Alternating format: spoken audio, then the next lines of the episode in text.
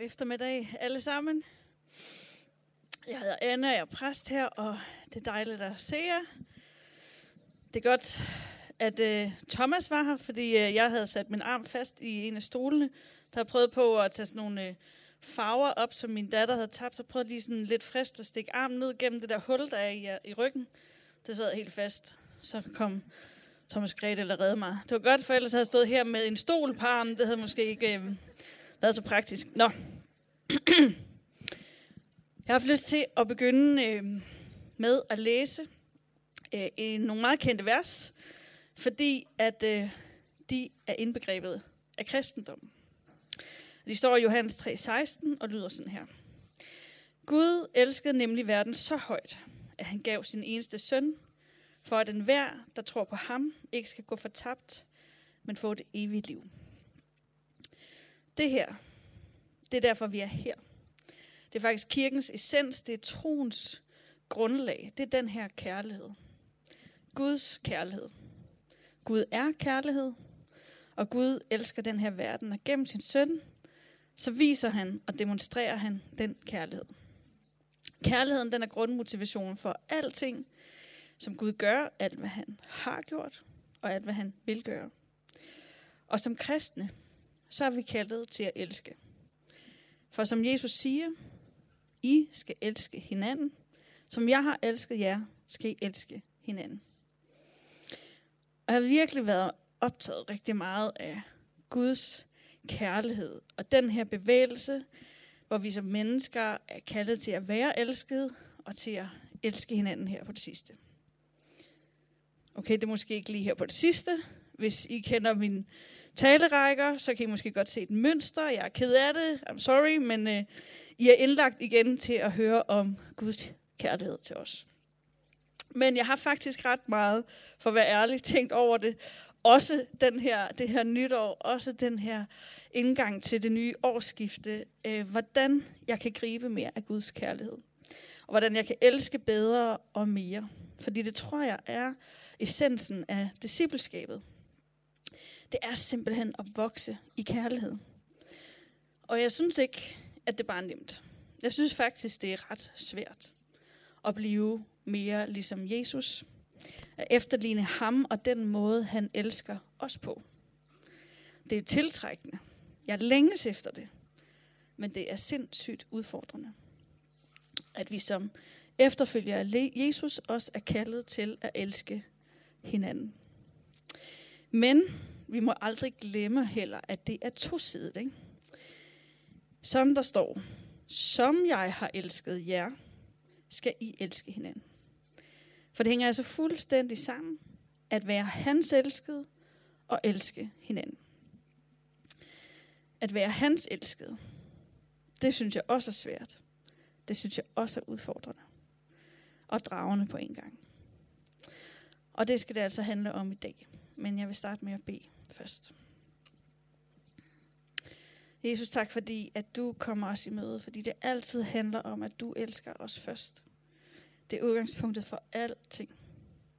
Og jeg beder sådan om, at du i dag må hjælpe os til øh, på en særlig måde øh, og øh, lirke låsen op til vores hjerter. Må vi få lov til at opleve, hvor velsignet og hvor elsket vi er dig. Og må det blive udgangspunktet for alt, hvad vi gør. Hjælp os, far. Kom med din nåde. Kom og hjælp os. Amen.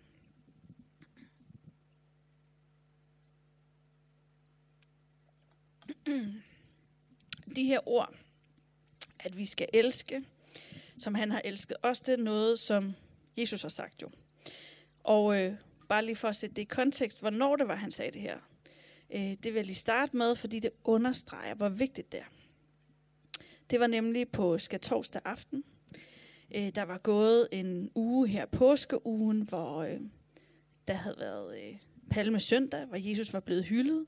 Og der var den her fortættede stemning af, at nu ville Jesus vise, hvem han var. Ikke? En kulmination var ligesom under opsejling. Og de ledende jøder og Judas havde allerede begyndt at planlægge, hvordan de skulle slå Jesus ihjel. Påskemåltid var blevet forberedt. Jesus havde vasket disciplenes fødder, og øh, de er blevet inviteret ind til det her måltid. De har sat sig til bords, og Jesus afslører endda, hvem det er, der vil forråde ham. Og så lusker Jesus ud, og så begynder Jesus ellers at tale en længere tale, som i Johannes evangeliet strækker sig over flere kapitler. Og der skal vi læse fra. Da Judas var gået, sagde Jesus, nu er tiden kommet, hvor menneskesøn vil blive æret, og det, der sker med ham, vil bringe Gud ære. Samtidig med, at han bringer Gud ære, vil Gud også bringe ham ære, og det kommer til at ske meget snart. Venner, nu var det ikke længe før jeg skal bort. I vil lede efter mig, men som jeg tidligere har sagt til de jødiske ledere, siger jeg det også til jer. Der, hvor jeg skal hen, kan I ikke komme. Derfor giver jeg jer en ny befaling. I skal elske hinanden. Som jeg har elsket jer, skal I elske hinanden. Hvis I har kærlighed til hinanden, vil alle kunne se, at I er mine disciple. Og så fortsætter den her lange tale. Flere kapitler efter slutter det af med en gentagelse af det her.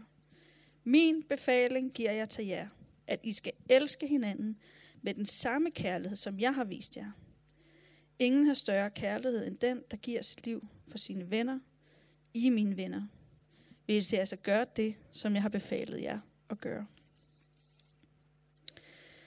Det er altså i den her helt fortættede stemning, lige inden at Jesus bliver taget fra dem for at blive henrettet, at Jesus siger, hey, I skal elske hinanden. Som jeg har elsket jer, skal I elske hinanden. Og han fortæller, at det er fordi det her sker lige om lidt. Han skal dø, han skal opstå, og hans tid på jorden, den slutter jo. Og derfor giver han faklen videre. Han siger, nu er det jer, ikke? og fortæller dem, hvordan det er, at de skal agere, øh, nu hvor han ikke længere skal gå iblandt dem. Og det er altså helt centralt det her. Ikke? Det her det er Jesus sådan, sidste statement på falderæbet til, at han bliver forrådt, han bliver henrettet. Det er hans manifest. Og der er det her totalt centralt. Og det han siger, det er, venner, jeg vil give mig selv for jer i kærlighed. Jeg har elsket jer. Jeg elsker jer. Og nu er jeg snart væk, og jeres opgave er at elske hinanden, sådan så I viser, at I er mine disciple. Elsk. Nu er det jeres tur. Elsk, siger han. Og det siger han til os. Elsk. Som jeg har elsket jer, sådan bliver I mine efterfølgere. Mine disciple. Er vi enige om det? Det der Jesus siger, det tror vi på. Gud. Så kan vi egentlig bare gå hjem, ikke? Vi har forstået det. Yes, jeg har fattet det. Vi har hørt det, ikke? Det er bare ikke så simpelt, vel? Det er ikke så helt så nemt. Det er måske simpelt, men det er ikke helt nemt. I skal elske hinanden, som jeg har elsket jer.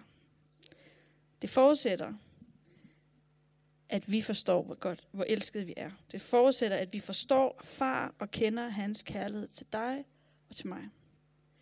At vide, at jeg er uendelig højt elsket, fuldstændig ubetinget elsket, fuldt ud accepteret, Guds barn, udvalgt, velsignet, skabt af ham, i hans billede, skabt til at være elsket. Det er det, han byder os. Det er da egentlig meget nice, ikke? Synes I ikke? At være uendelig højt elsket af ham. Det er et bud, faktisk. Det er da meget godt. Det er egentlig meget positiv identitet at iklæde sig, ikke? Spørgsmålet er bare, om vi har den identitet. Om vi virkelig har grebet og taget imod den, at vi er elsket så uendelig højt. På en eller anden måde, så er der bare enormt meget modstand på den her sandhed. Ting, som står i vejen for, at vi kan erfare og træde ud i den kærlighed, han har til os. Jeg tror, de fleste af os har hørt de her ord før mange gange, men har ikke nødvendigvis særlig øh, nemt ved at tage imod Guds uendelige kærlighed til os. Har jeg ret? Hvorfor er der så så meget modstand? Hvad er det, der står i vejen for, at vi kan modtage hans kærlighed? Jeg tror, det hænger sammen med, at vi har svært ved at åbne op og være modtagelige for kærlighed, fordi det faktisk er sårbart. Fordi det indeholder en vis risiko for afvisning. Vi er faktisk bange. Det vender jeg tilbage til.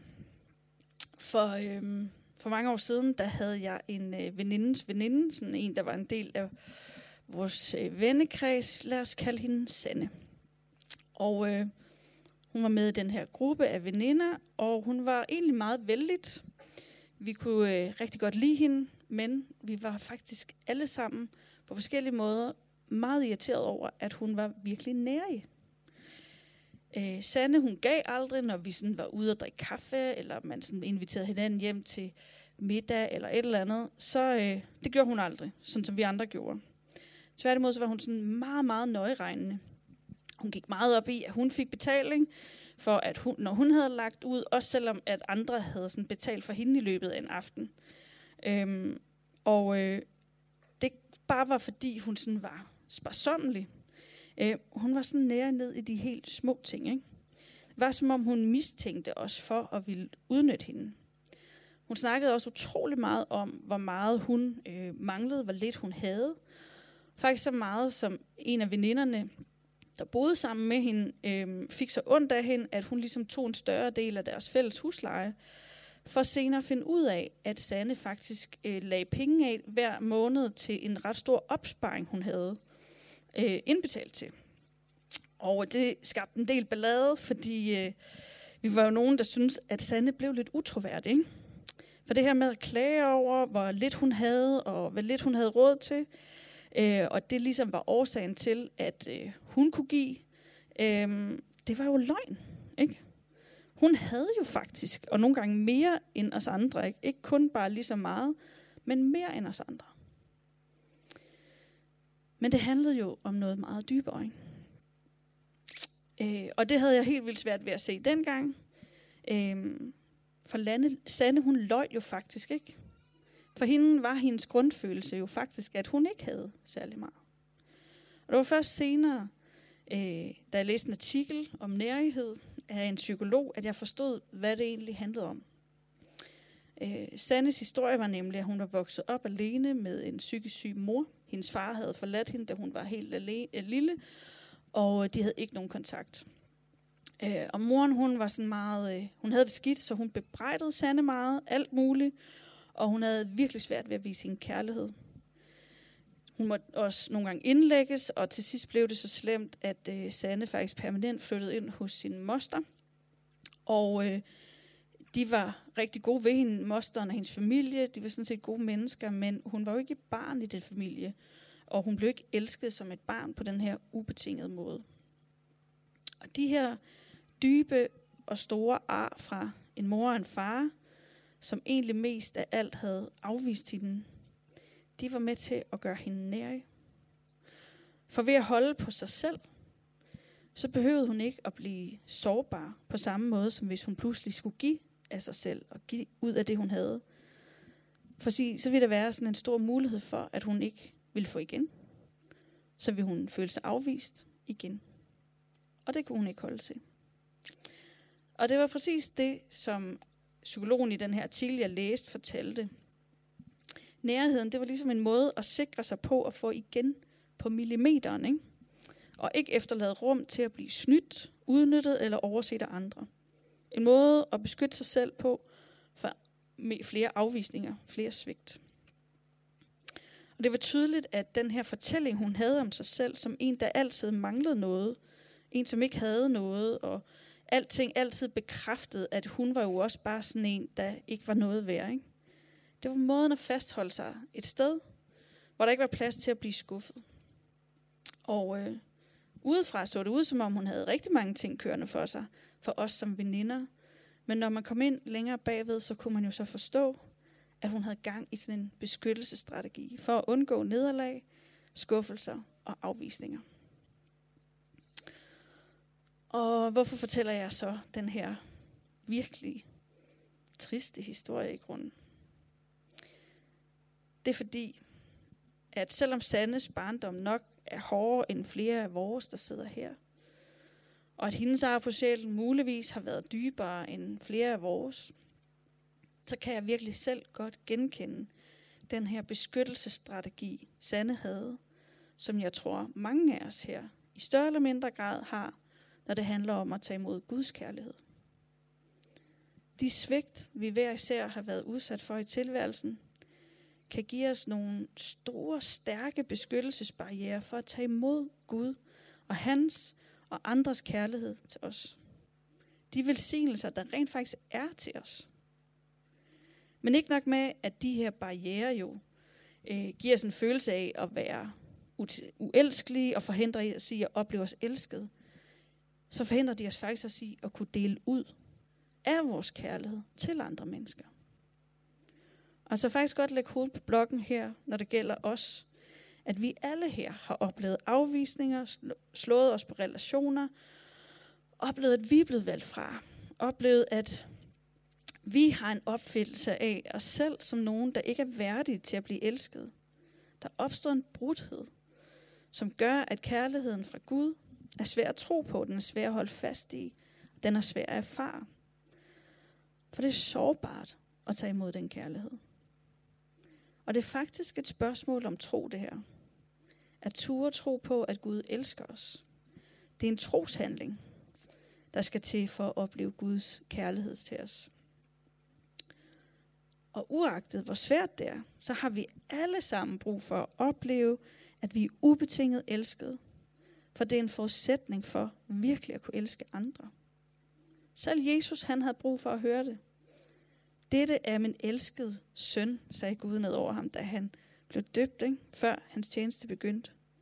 Og vi har på samme måde brug for at klæme, at vi er Guds elskede, før end vi reelt kan elske andre. Det er så vigtigt. Så hvordan gør vi det? Skal vi bare sådan give op og lade os diktere af, hvordan vores liv har været, hvad, hvad vi er blevet afvist af, og hvem der har forbrudt sig mod os? Og afgøre, om det gør os elskelige eller ej. Nej, vi skal ej. Fordi der er det her nye bud, ikke?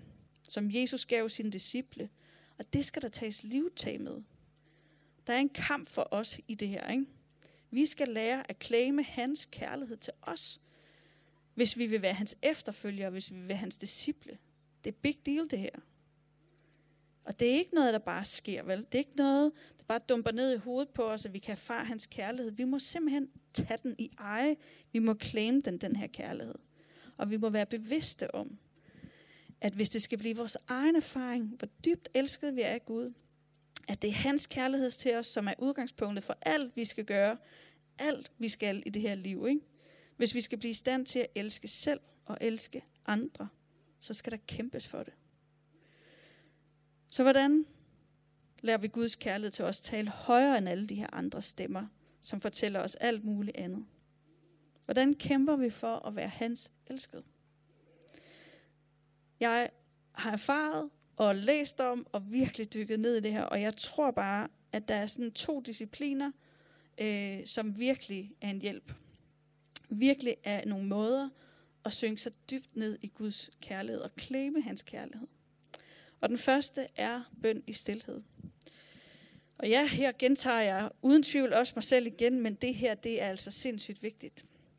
For bøn, hvor vi ikke taler så meget, hvor vi ikke siger så meget, men vi lytter til den stemme, som siger gode ting til os, det er faktisk kampvåbnet. Og det lyder måske lidt selvfedt at sådan sætte sig for at lytte til alt det gode Gud vil sige om mig. Øh, og sætte sig ned og lade sig elske. Ikke? Men det er faktisk en disciplin. Fordi det er så nemt at lade sig overstyre af den her frygt for at blive afvist, frygt for at så snart jeg sætter mig ned i stillhed med Gud, så får jeg bare sådan duf ind på sinkedusen, ikke? Og så, så falder hammeren, og så kan jeg høre om alt det Gud er utilfreds med med mig. Kender I det? Så snakker man lidt i stedet for, ikke? Så fortæller man lidt om alt muligt, og siger alt muligt og sådan noget. Men faktisk, lige der, skal man stoppe sig selv. Skal man lytte? Det er så nemt at tro på, at det Gud vil sige bare er, at du ikke er god nok, du er ikke værdig. Men du skal stole på, at i stillheden, der hører du velsignelserne fra Gud. Hans ord, du er mit elskede barn. I dig har jeg velbehag. Sådan som det blev sagt over Jesus, bliver det sagt over dig. Hvis du nu synes, det er svært at meditere på det her, så brug nogle tekster, andre har skrevet. En salme eller en bøn. Lyt til, hvordan du er elsket gennem de ord. Hvor stor Guds kærlighed er til dig. tyk på dem, Mediter på dem, lyt til ordene, lad dem synke ind. Du kan også skrive nogle af de ting ned, som du ved, som du kognitivt ved med din hjerne. Jesus døde for dig. Du elskede ham. Du er fuldt ud accepteret. Alt det der. Skriv det ned. Mediter på det. Mediter over de her sætninger, de her kærlighedsord, som han har til dig. Og det handler om at blive sådan venner med stillheden. Og herigennem så lærer du virkelig også kærlighedens stemme at kende, troens stemme. Og så sker der virkelig noget. Når man udvikler disciplin til at høre kærlighedens stemme, måske bare en halv time om dagen, så former det dig virkelig, det lover jeg dig. Og det giver kraften til at kunne velsigne andre. Hvis du dagligt, sådan som jeg har hørt en kalde det, lader sig brusebade i Guds kærlighed. Ikke? Sig til Gud, Gud, nu lytter jeg til dine kærlighedserklæringer om mig, over mig, og jeg lytter. Go. Jeg lytter. Ikke? Det er super grænseoverskridende. Det er det faktisk. Det er en disciplin, og det er en kamp. Men det er så helbredende. Det er den ene. Den anden disciplin, det er at være nærværende. Rigtig ofte så opdager vi faktisk ikke de velsignelser, der er rundt omkring os hele tiden. De opmundringer, Gud dagligt giver os. Fordi vi har travlt med at opdage, til at stoppe op, til at lytte, til at mærke og til at modtage fra Gud alt det, han giver os. Hvis jeg er travl, hvis jeg hele tiden gør noget, hele tiden skal opnå noget, hele tiden er på vej til det næste, så er jeg ikke nærværende, og jeg opdager ikke, hvad det er. Og jeg er faktisk nødt til at være et sted, hvor jeg spilder min tid. Ellers så opdager jeg ikke alle velsignelserne. Ture slow down, ikke? Opleve den smukke solopgang, eller kunst, gode samtaler, venskab, at jeg har luft i mine lunger, at jeg har livet. Der er så mange velsignelser, som er der hver eneste dag for os, hvis vi er nærværende nok til at opdage det. Men effektivitet er bare sådan en sindssygt stor trussel mod det her nærvær. Personligt så lægger jeg tit mærke til det som mor, at øh, jeg nemt kan blive optaget af at gøre en hel masse, og ikke være nærværende. Det er svært faktisk for mig nogle gange i perioder sådan at lege med mine børn, fordi det er sådan lidt spild af tid. Ikke? At være til stede, det er ineffektivt jo. Og øh, så kan jeg sådan lidt godt sidde og se en film, og så sammen med dem, og så samtidig lige ordne ting på min telefon imens. Ikke? Eller så har de gang i en god leg, og så i stedet for egentlig at tage del i den leg, eller sidde bare og betragte dem og glæde sig over, hvor dejligt det er, at nu, nu er de glade med hinanden og elsker hinanden, øhm, så øh, finder jeg på, at jamen, så kan jeg jo lige øh, arbejde imens, eller så kan jeg lige ordne noget imens. Ikke? I stedet for at være til stede, og ikke kun dukke op, når der er en eller anden konflikt. Ikke? Hvis jeg ikke stopper op, så går jeg glip af alt det der. Jeg har brug for nærvær til at sætte lup på det gode, og ikke bare sådan rushe videre, for at opdage Guds velsignelser til mig. Og nærværet er også helt sindssygt vigtigt, for at opdage alle de ord, alle de opmundringer, som er helt centrale for at opdage alle de kærlighedserklæringer, der er til Gud fra os gennem andre mennesker. Jeg har selv prøvet at blive velsignet rigtig mange gange. Fået ord, måske et brev eller en gave, sådan uopfordret. Opmundringer, tak eller ros. Anerkendelse af mig, endda fra flere af jer her. Og må indrømme, at det er helt vildt nemt for mig at sådan sige tak, ikke? Sådan lidt akavet, sådan, om oh, tak, det var så lidt, og så sådan ligesom fejde det af, ikke? Fordi øh, det er sådan lidt underligt at skulle tage imod et kompliment, ikke? Eller skøjter lidt hen over det, og så rykker jeg videre i teksten sådan, nå, ja, videre, ikke? får ikke tillagt det så meget værdi. Det kan også være, når mine børn siger søde ting, så sådan, det får ikke registreret egentlig så meget, vel? Men det gør jeg til gengæld, når det er sådan de der små afvisninger fra folk, manglende anerkendelse, eller deciderede sådan grimme ord, eller når nogen giver udtryk for, at de er trætte af mig, så sidder de virkelig fast, ikke? Så er det ikke sådan noget, åh, videre, vel? Så er det bare, åh, ikke? Så er det som om, det bare sådan, åh, det bekræfter bare mine bange anelser. Ja, jeg er vist ikke elsket, jeg er jo ikke god nok, jeg er ikke værdig. Og jeg har utrolig nemt ved, sjovt nok, og meditere over de ord. Ikke? Hvad de siger om mig. Kender I det? Og det er jo super skævvridende, ikke?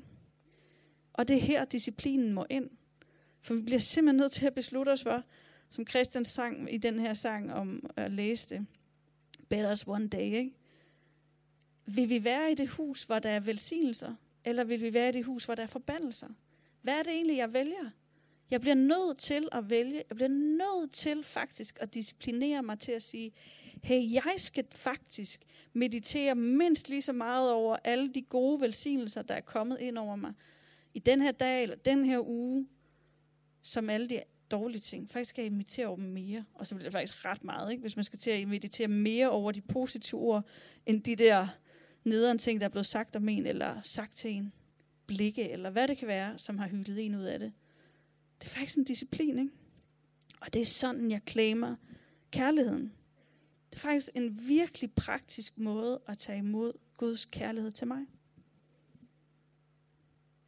Hvordan lykkedes du med at klame Guds kærlighed til dig? Måske er det på tide, at du tager kampen op og klamer hans kærlighed til dig. Hvis det er tilfældet, så vil jeg rigtig gerne bede for dig. Her til sidst i gudstjenesten. Lige her til sidst, det er ikke så meget længere, så vil jeg bare lige bruge lidt tid på den her anden del af sætningen. Ikke? Nemlig, I skal elske hinanden. Kærligheden stopper nemlig ikke hos os. Nej, i Guds rige, så bliver den altid større. Kærligheden multiplicerer sig. For vi er nemlig kaldet både til at tage imod Guds kærlighed og claim den, og til at elske andre og give ud af den. Og Jesus han viser os hvordan, ikke? Måden han levede på og i hans død. Jesus gik hele vejen for os. Han offrede det hele for at, øh, for at vi kunne tage del i den kærlighed. Ingen har større kærlighed end den, der giver sit liv for sine venner. Som efterfølger ham, har vi et kors, ligesom Jesus havde et kors. Et unikt kors har vi hver især. Et unikt byrde, som vi må bære. Og øh, det kors kan se ud på rigtig mange måder. Men et kors vil altid være drevet af kærlighed. Vores kors er som en gave, men det er også en opgave. Får man et kors, så er det ofte, at man har nogen, en særlig sårbarhed i forhold til noget, en nød for, en kærlighed til, eller nogen, man har et særligt blik for. Noget, der binder os til en. Eller noget, som man må elske. Også på de svære dage. Også når det kræver noget af os.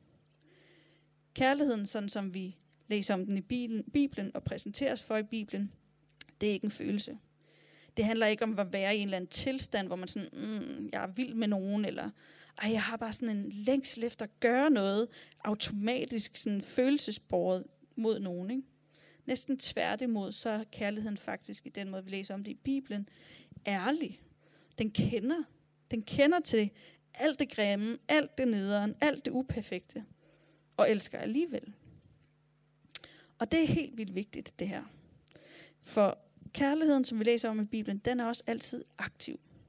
At elske nogen på afstand som sådan en eller anden følelse, hvor den aldrig rigtig bliver aktiveret, vel? Man er der egentlig ikke for vedkommende, man gør ikke noget for dem. Det er faktisk tom kærlighed i bibelsk forstand. Kærligheden er altid en, man giver ud gratis, men den er ikke uden omkostninger. Den er faktisk enormt dyrebar. Det vil være, det er en gave at elske, men det er også en opgave. Og jeg her, der er forældre, I vil helt sikkert vide, at øh, børn, ikke, som vi er indlagt til at elske. Ikke? Det sker bare helt automatisk faktisk der, at vi elsker dem. Det er en kæmpe gave, men de er også en kæmpe byrde. Ikke? Har jeg ret? Yes. Kan jeg få et amen? Med forældreskabet, ikke? fra dag et, altså det er allerede for kvinderne i hvert fald inde i maven, ikke? fra dag et, så er det et kæmpe kæmpe kontroltab. Forældrelivet er simpelthen bare indbegrebet og forbundet med bekymringer, utilstrækkelighed, tilsidesættelse sig øh, ens egne behov, en hel masse op, øh, øh, offring. Ens krop invaderes, ens søvn, ens ferier, ens økonomi, hvor man bor, alt invaderes af det her barn. Ikke? Alle dele af ens liv bliver invaderet. Men er det kun slid og offer? Er det kun en opgave at færre forældre? Nej, det er jo langt mere end det, ikke? Det er jo kærlighed. Det er forbundethed. Det, kærligheden bliver større, når man får sådan et barn. Og den, den vokser kun til de her unger, jo større de bliver, ikke? Det er ikke kun slid offer, det er meget mere end det. Og sådan er det at elske, sådan som Jesus gjorde. Vi har alle sammen fået tildelt et kors, som vi skal bære, fordi vi selv er blevet elsket, og derfor kaldes til at elske andre. Og ved at se på, hvordan Jesus levede, så er det tydeligt at se måden, vi kan elske på aktivt. Helt kort. For det første, Jesus han var øh, faktisk overhovedet ikke fedtet med at møde folks helt konkrete behov. Han øh, var hele tiden ude blandt mennesker, han stillede deres sult, han helbredte dem. Han tog sig af de helt øh, konkrete behov, de havde. Så havde han sådan en måde, hvor han altid agtede og respekterede mennesker omkring sig. Særligt dem, der var udsatte og undertrykte. Han havde et helt særligt blik for alle de marginaliserede, og dem, som folk ikke gad. Altså de fattige, de syge, prostituerede, tollere, de undertrykte. Og han viste også høj agtelse mod børn og kvinder, som virkelig var meget uventet på den tid. 3. Han tjente mennesker. Lige inden vi læser det her, vi læste før, der vaskede han disciplernes fødder. Han gav af sig selv. Han tog sig tid til mennesker omkring sig. Han tilbød venskab. Så lyttede han. Han var nærværende. Der står et utal af gange, hvor han spiser måltider med mennesker. Han tog sig virkelig tid til at besøge rigtig mange. Han talte og vandrede sammen med mennesker. Så opmuntrede han mennesker. Han talte liv og sandhed. De er fem ting. Det er egentlig rimelig jordnært, ikke? Det er Jesus måde at elske os på. Det er ikke så meget hokus pokus. Og faktisk er det det, han siger til os. Elsk på den her måde, ikke? Som jeg har elsket jer, skal I elske hinanden. Og prøv lige at overveje, prøv lige at tænke. Hvis vi kunne være kendetegnet af den der slags kærlighed, ikke? her i det her fællesskab. At øh, alle de steder, os der er med her, alle de steder vi gik, at vi bare osede af den her kærlighed.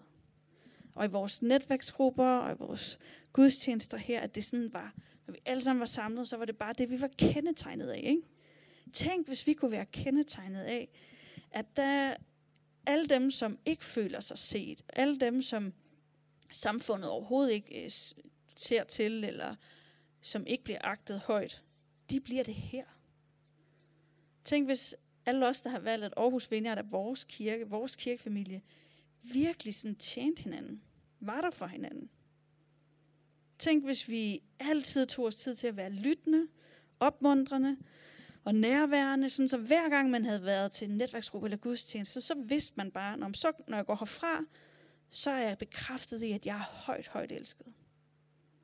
Tænk, hvis børnene her der var her tidligere, og som nu er i børnekirke, ikke? hvis de altid følte sig totalt hjemme her, hvis de følte sig som de vigtigste mennesker i det her rum, vigtige og prioriteret i det her fællesskab. Tænk, hvis ingen af os her manglede noget, men at vi delte alt det, vi havde med hinanden. Og jeg ved, det sker, ikke? Jeg ved, at vi er en kirke, der elsker. Men ej, hvor jeg længes efter at elske bedre. Elske mere at vi lærer at elske hinanden bedre. Endnu bedre. Sådan som Jesus gjorde, og sådan som Jesus gør. For han elsker heldigvis den her kirke langt mere, end vi nogensinde kommer til. Han døde for den. Og vi er familie. Det ved jeg godt. Og hvis du ikke har opdaget det, så er familie faktisk sjældent noget specielt kønssyn. Der er masser af fejl i den her familie. Let's face it, vi er ikke altid så nemme at elske. Det er hårdt at elske kirken nogle gange. Og det er her, det her kors kommer ind i billedet. For som forældre, der er kaldet til at elske deres børn, uanset hvor besværlige de er, og hvor stor en vild opgave det end er, hvor tungt et kors den måtte være, så er vi som Jesu efterfølger faktisk indlagt til at elske hinanden, sådan som han har elsket os i det kristne fællesskab. Bum. Der er lige et kors til jer her, hva'? I kan lige få lov til at bære det. Elsk kirken. Er det nemt? Nej. Men det er heller ikke rocket science. Du kan bare elske sådan her. Sådan som Jesus gjorde. Kærligheden, den bliver større, når vi giver ud af den. Du behøver ikke være nære med den. Og jeg vil bare sige her helt til slut, at måske føles det ikke sådan, fordi at øh, så mange virkelig gør et nice stykke arbejde med at tjene her om søndagen og virkelig tjene fællesskabet. Der er seriøst brug for flere, som har lyst til at tjene med og tjene det her fællesskab. Som vil elske os som fællesskab med alle vores praktiske behov. Vi er ikke særlig godt bemandet lige for tiden, og det er særligt til to ting. Det er til vores børn ude i børnekirken. Der er simpelthen brug for, børnene har simpelthen brug for, at der er nogle voksne, som vil give en søndag om måneden til at hænge ud med dem. Og de er altså ikke farlige, vel?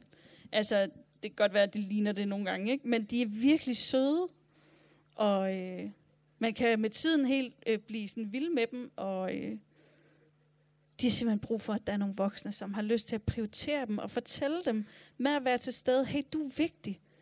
Du er vigtig i det her fællesskab. Så er der faktisk også brug for helt praktisk. Den her sal, den stiller ikke sig selv op, desværre.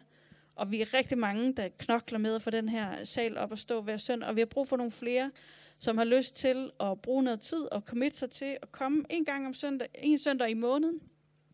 Slæb nogle borer, få lidt sved på panden, spare det der CrossFit-abonnement, og i stedet for så bare være her, ikke? Tjene fællesskabet. Det er ikke svært.